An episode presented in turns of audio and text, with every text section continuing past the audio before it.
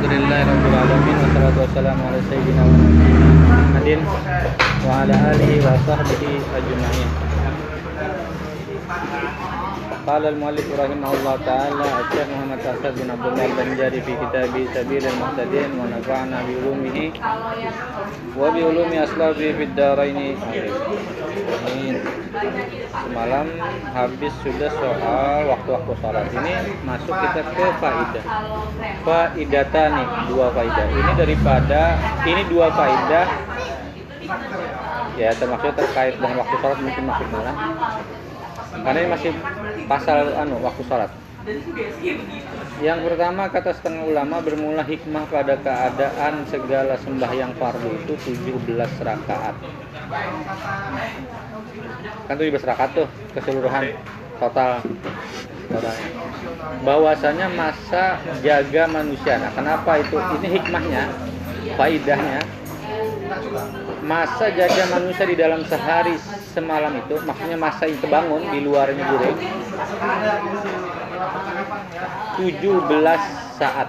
17 jam. pada galib 12 saat. Pada umumnya 12 karena dibagi, dibagi dengan pembagian waktu 12 12 kan 24 masa jaga kita itu 17 paling anu 12 12 itu kebanyakan guringnya kan? 17 Iya. dari itu 17 kan 7 jam guring. Ya lah 24 jam kan? 8 ya karena jadinya hikmahnya masa jaga kita sehari itu 17 jam. Pada galib 12 siang 12 saat 12 jam pada siang. Dan umpama 3 saat daripada masuk matahari dan dua saatnya masuk matahari itu kan yang sebelum se- anu kada boleh sembahyang lah Iya. yang antara israk ke duha. Kan pada boleh sembahyang kan ibadah subuh itu kan. Iya. tiga jam. Jadi tadi membagi 12 eh, apa tadi? 12 itu siang waktu siang hari. Tiga jam itu Oh ya bujur 12 saat pada siang umpama dibagi lagi 3 saat pada masuk matahari 2 saat daripada dahulu sedikit daripada fajar. Maksudnya ya bujur maka dijadikan bagi tiap-tiap satu rakaat satu saat.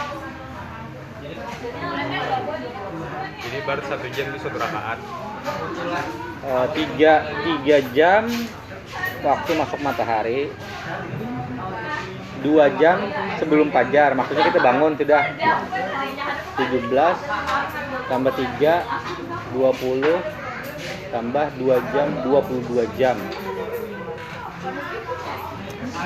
Maka dijadikan bagi tiap-tiap satu rakaat itu satu saat. Jadi satu rakaat itu mewakili satu jam. Supaya eh, men apa ini? 17 jam. Satu rakaat satu jam 17 itu 17 jam kan ya 3 jam. Yang apa tadi yang ya? Ya waktu masuk matahari ya. Dua jam sebelum fajar jadi 5 jam lebih dua. Ya apa maksudnya itu lah berarti dua jam aja guring lah. Kan dibaca dulu ya, ya. Hmm, supaya menjabar ia akan barang mencoba ia barang yang jatuh ia di dalamnya daripada segala taksir. Dan faedah yang kedua bermula menentukan lima, lima sembahyang dengan nah intinya itu intinya bahwa kita tuh waktu jaga kita tuh 12 jam eh 17 jam. Eh bujur ah, 17 jam itu ini menghitung kayak 12 jam itu siang hari tambah 3 tadi berapa? 15 15 tambah 2 sebelum fajar 17 kan? Nah saya 17 lah. 12 jam waktu dari jam 6 sampai jam 6 12 jam. Imba tuh inya menghitung bukan bukan hitung jam tapi hitung hitung waktu. Tuh 3 jam yang kada boleh kada kada sembahyang, kada sembahyang itu yang sesudah fajar. Eh sesudah matahari terbit.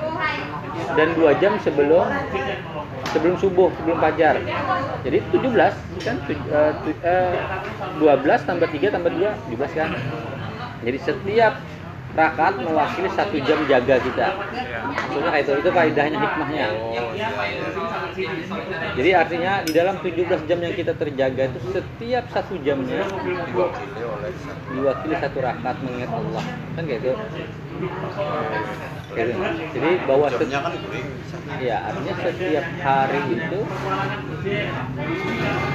luar biasa padatnya waktu orang Islam ini untuk mengingat Allah benar artinya dengan 17 jam itu kita menggawi 17 rakaat itu kita menggawi sembahyang itu sudah mewakili 17 jam jaga kita. Lebih itu istirahat. Dua Itu faedah yang pertama. Faedah yang kedua, bermula menentukan lima sembahyang, lima waktulah dengan segala waktu yang lima itu pekerjaan saab budi. Saab budi sebenarnya kan sesuatu yang apa? Penghambaan yang menyangkut ketaatan yang itu kita apa kan ada amrun apa sih itu saab budi mata alih mata alih kok apa makul ada yang sesuatu yang bisa dipikirkan kenapa ini kenapa ini alasannya. Ada yang ya kita kita perintah. Nah, ini bagian dari ketaatan kita kepada Allah. Jadi pekerjaan ta'abudi pada kebanyakan daripada segala ulama. Jadi menurut sega- sekalian ulama yang lima waktu itu itu bang sudah ditentukan Allah. Kita nih ngumpat aja taat aja di situ.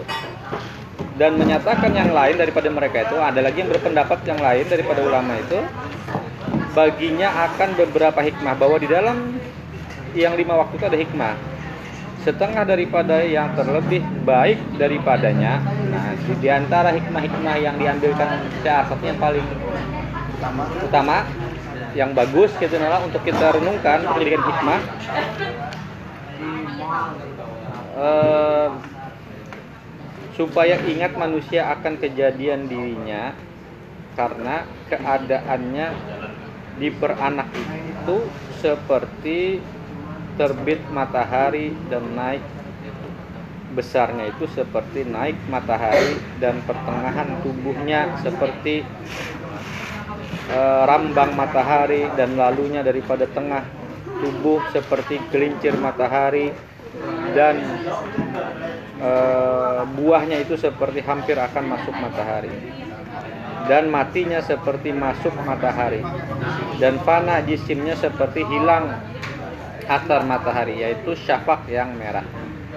Maka diwajibkan sembahyang isya pada ketika itu supaya ingat ia akan yang sedemikian itu seperti bahwasanya sempurna kejadiannya di dalam perut dan berseng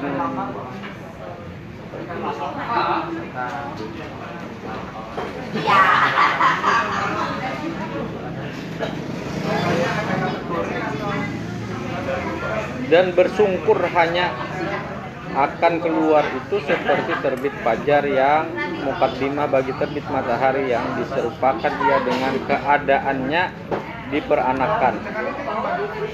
Maka diwajibkan sembahyang subuh supaya ingat akan yang demikian itu. Jadi kayak matahari itu dibagi eh, lima juga gitu nela terbit. Bagi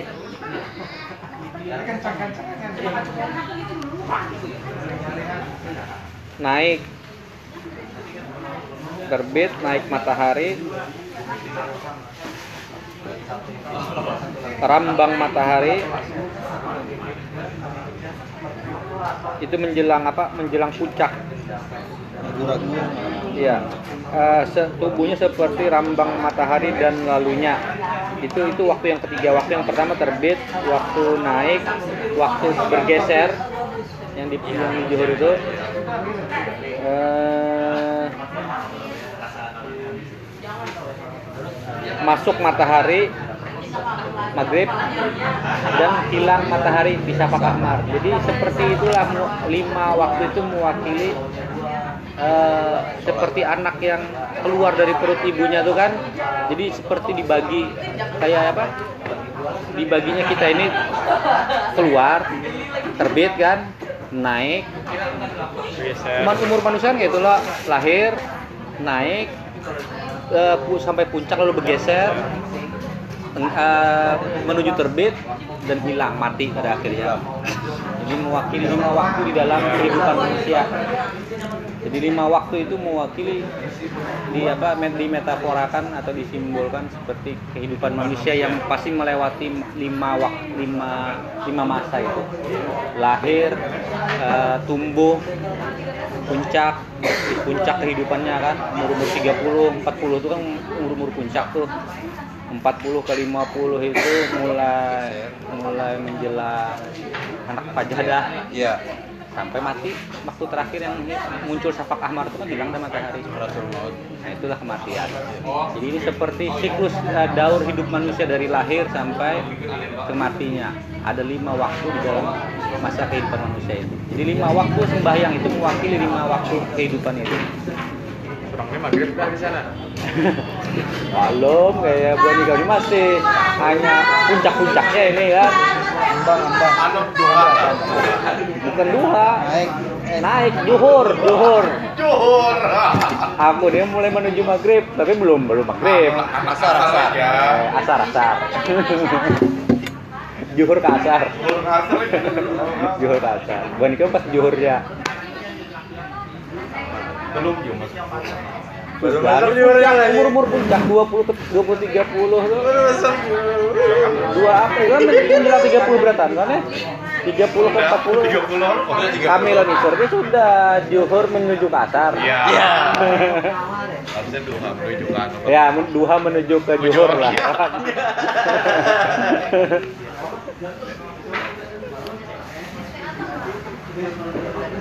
itulah ulama memetaforakannya seperti itu supaya ingat, ingat terus waktunya Iya. bahwa hidup kita ini pada akhirnya eh, mati pada akhirnya mati lima kali kita sembahyang dalam sehari itu salah satu hikmahnya adalah mengingatkan kita bahwa kita itu kada selamanya hidup kan gitu nah. Yang 17 rakaat itu mengingatkan paling kada jaga masa jaga kita itu minimal 17 jam. Jangan kebanyakan guring. Itu yang harinya. Udah hari itu 17 jam. Kalau bagus lagi kan yang lebih banyak lagi kan, artinya waktu guringnya sedikit kan. Itu bagus lagi kayak Nabi kan paling 2 jam 3 jam guring sama sehari kan. Nah, tapi udah harinya 17 jam. Bila 12 jam berarti banyak guring. Berarti kada bahwa hidup itu kurang manfaat kan. Kurang mengingat Allah. Daripada menggibah.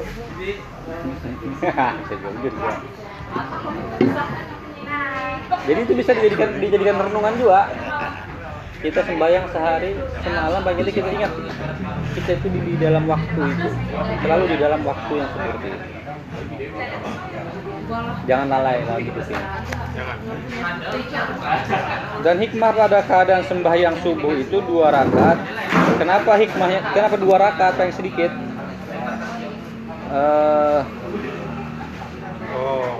tiada lebih karena ada tinggal segan tubuh daripada bekas tidur.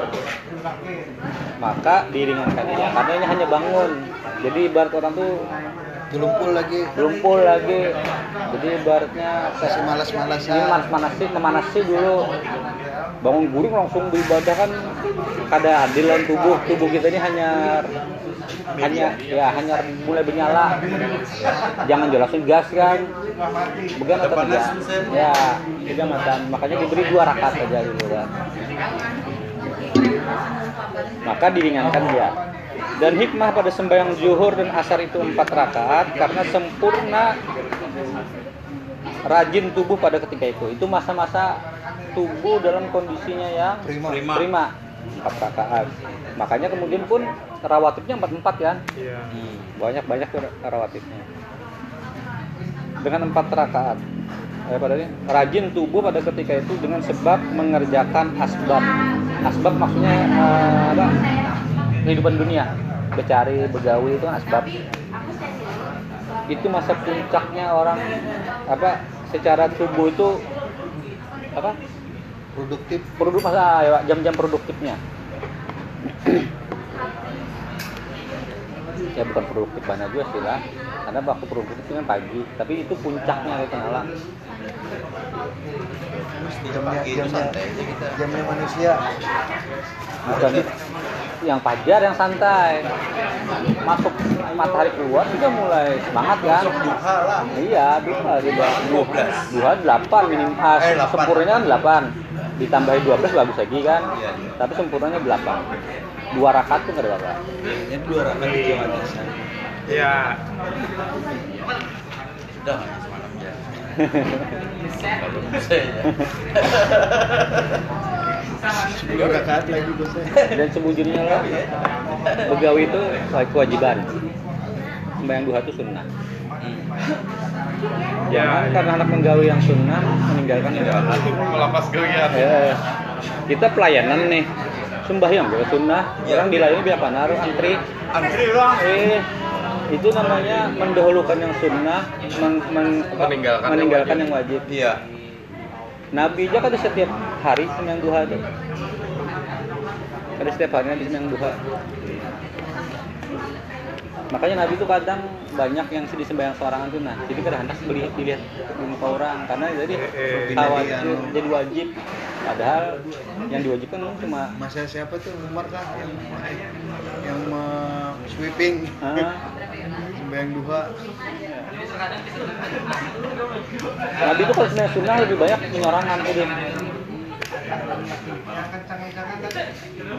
Bersembunyi itu maksudnya kayak Nabi waktu Ramadan keluar tuh kan sembunyinya karena mungkin sering di rumah ah, ngalih ya lah. Di rumah sini halus rumah Nabi itu empat kali empat aja ukurannya nah sini nggak keluasa keluar. Sahabat melihat ini sembahyang mau empat sih. Pada sini kan nggak di diumpat sih. Maksudnya sini kada anu gak kena sembahyang aja. Esok kayak itu pulang ke malam ketiga kayak itu pulang nah mbak tuh ambil hadirin kan di rumah lagi sembahyang bisa bicara gitu lah Iya. Kakawa bon ini aja. Eh. karena jadi wajib jarak gitu nah Ngali bon ini aja. Iya bagi orang yang santai kada apa-apa memang bagus. Tapi bagi orang yang ada kewajiban-kewajiban yang lain terkait kehidupan dunia, yang istirahat, yang dulu siang kan, yang siang begawi, mengganggu waktu, ada seterusnya. Malam waktu mengumpuli bini, mengumpuli keluarga terganggu. Sawada ulang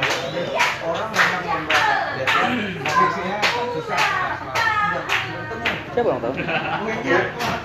Belum. Oh. Kalau menurut lu mengapa kalimat yang dari itu diucapkan secara gamblang di masyarakat kita itu berbahaya kayak begawi ini wajib, sholat duha itu sunnah. Kadang itu perlu dijelaskan. Itu harus tegas. harus, harus disampaikan Kayaknya salah pikir. Iya, Banyak orang- yang terjadi orang mengutamakan yang sunnah. Iya bisa tersinggung orang bang. Kalau kawa ini fikih, fikih harus jelas. Ah, itu. Lain yang Ada soal adab, dalilnya. soal adab, soal soal tasawuf yang itu ikhtilafnya banyak.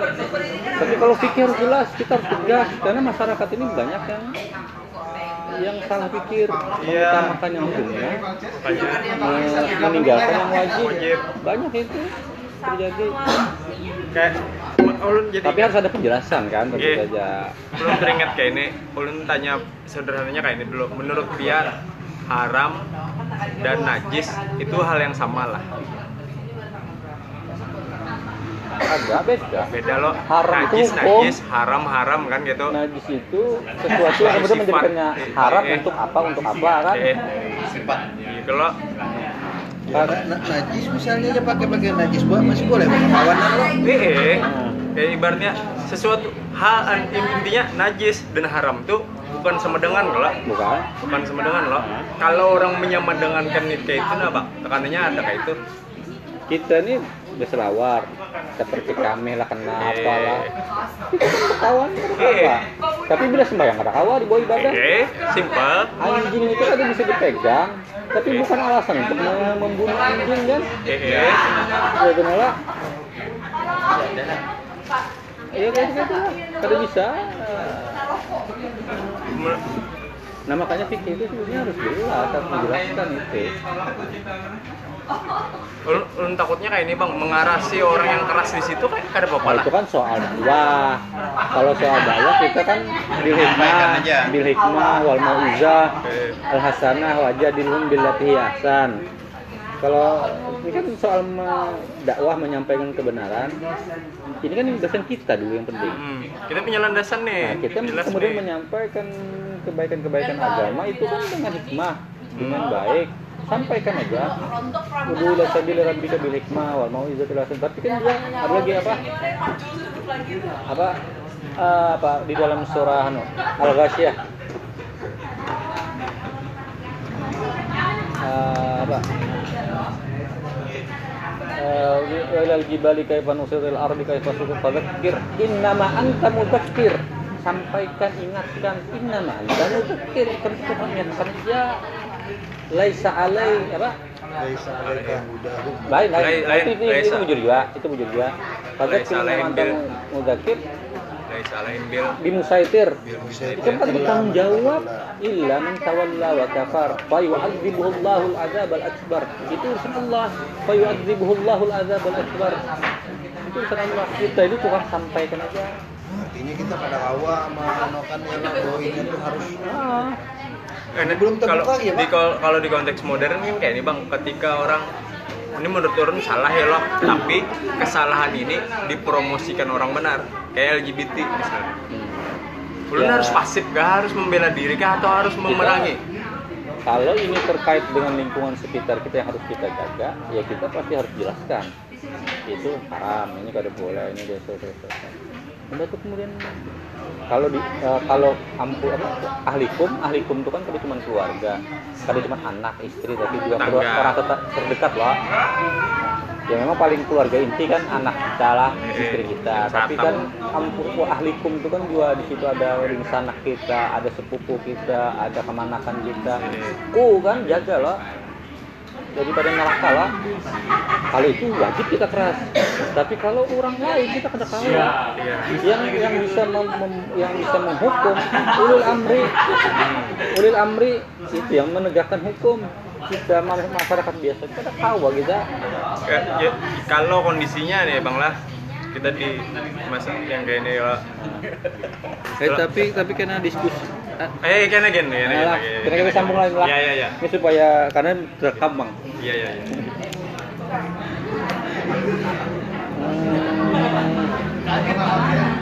Tapi nyatakan telah karena itu lanjut lah.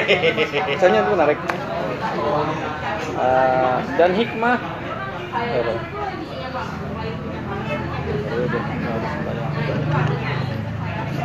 Dan hikmah pada menentukan keduanya dengan empat rakaat, Juhur dan asar empat rakaat, tiada lebih karena disusun kejadian manusia daripada anasir yang empat. Kenapa empat rakaat manusia terdiri atas empat anasir? Ya, ya, ansur. Dan ada di dalamnya tobai, tobiat, tabiat. apa tabiat apa bawaan, eh, watak, watak. Yang empat, maka dijadikan tiap-tiap satu unsur itu, unsur dan satu tabiat itu di dalam hal rajin satu rakaat. Supaya memperbaiki akan dia dan membetulkan ia akan dia di dalam hal uga hari maksudnya supaya ya moderat dalam hal ini gitu dalam dalam di dalam manukan empat unsur yang ada di dalam tubuhnya itu ada di sambat lah bang empat unsurnya tadi apa bang biasanya kan tanah api udara kayak itu lah oh Iya, kayak patara, itu. patara. Iya. empat tabiat itu apa ya Kedua dijelaskan karena gini lah Oke. Dan hikmah pada menentukan maghrib dengan tiga rakaat karena bahwasanya ia witir siang. Ya betul. Seperti yang tersebut di dalam hadis maka kembali atasnya berkata keadaan witir innallaha witrun yuhibbu witra. Ya. Eh, witir siang ini witir kan di antara lima waktu itu kan witir di tengah-tengahnya. Maghrib itu di tengah-tengah karena juhur pemulaan kan, asar, maghrib, isya subuh. Witir di tengah. Jadi di tengah itu digenap diganjilakan ganjil, diganjilakan maka inya diganjilkan juga. Itu hikmah. oh iya ini di yang ketiga Iya, yang ketiga. makanya di, diganjilakan waktu lah. dua Ah. jadi di urutan ke- yang ganjil diganjilkan dua Hmm. Bahwasanya Allah Ta'ala itu witir apa ganjil Woi, gimana? Cuman ganjil ada hitungan karena karena posisi di tengah. Oh, Kalau ya ganjil kan posisinya di tengah kalau ganjil posisinya kan di satu sholat yang ganjil ketiga juga. Nah. Lima Kan ganjil, juga. Iya, posisinya kan di tengah. Nah, di, di nah. tengah itu kan ganjil. Iya. Makanya rakaat ini diganjilkan dan kan semua tiga tiga waktu loh apa waktu itu kan terbagi tiga waktu sembahyang itu di Yang, dalam yang anu ayat al- Abdul, Eh, eh yang di Al-Quran apa Oh, apa Ada tulis Samsi. Sila boleh. ya ya. Eh makasih. Di tulis samsi itu kan terbit matahari wa anu ya wahin al fajar itu kan tiga rakaat itu. Nah ini pas di tengah.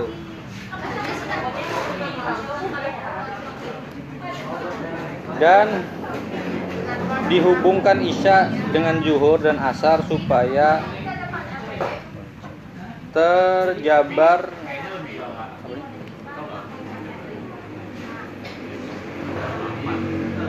kurang malam daripada siang karena pada malam dua fardu dan siang tiga fardu.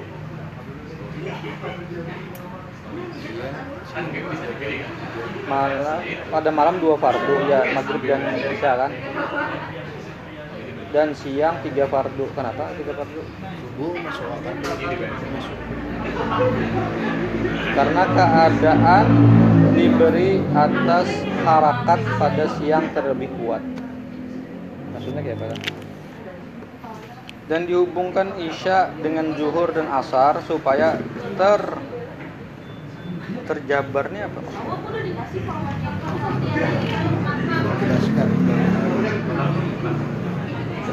Jabar itu kan kan memaksa lah itu lah. Apa itu Pak, maksudnya? Tahu mana mengelaborasi maksudnya jabar jabarkan. Terjab, terjabar kurang malam daripada siang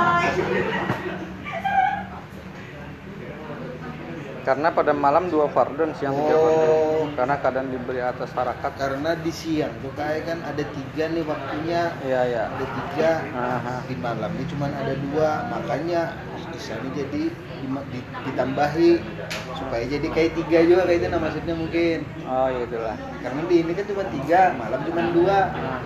Iya iya iya kalau siang kita kita total berapa 10 rakaat alhamdulillah malam cuma 7 itulah Iya. Mungkin gitu lah. Karena tadi diberi atas harakat gerakan kita pada siang itu terlebih kuat.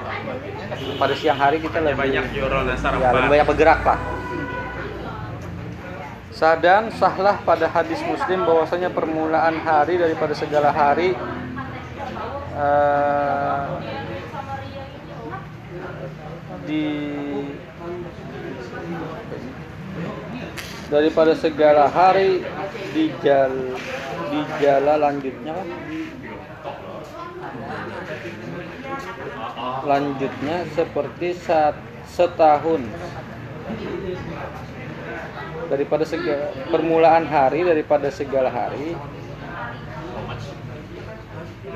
Lanjutnya seperti setahun dan harinya yang kedua seperti sebulan dan harinya yang ketiga seperti sejumat. Maka pekerjaan se- seminggu maksudnya maka pekerjaan orang Bali yang baca ada seminggu lah sejumat. Ah karena patokannya Jumat.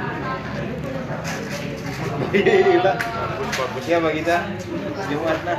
Jumat dah. Jumat iya. Maka pekerjaan sembahyang di dalam hari yang pertama ada makanya gitu seminggu kita lah. Tujuh hari itu pada seminggu lagi tapi sejumat iya iya iya. Ya, boy, dua Jumat dah. Ma- eh, maka pekerjaan sembahyang di dalam hari yang pertama dan yang kedua dan yang ketiga itu dengan takdir atau ukuran seperti bahwa dikira-kira kadar masa segala waktu sembahyang yang lima itu dengan ijtihad maka disembahyangkan ia dan seperti demikian itu telah puasa dan sekalian ibadah yang ta'aluk pada masa dan yang lain daripada ibadah seperti waktu tunai ajal dan berlaku yang demikian itu pada barang yang jikalau terhenti matahari padahal ia sebut pada satu kaum di dalam beberapa masa yang lanjut. Ini kita scan aja gini lah. Ini penjelasannya masih agak kena ke dalam. Berarti tadi kita sampaian aja sampai sampai maghrib. Eh sampai isya lah. Sampai isya aja. Karena kita lanjut yang ini. Berikutnya aja. Mudah-mudahan ada manfaat. Amin.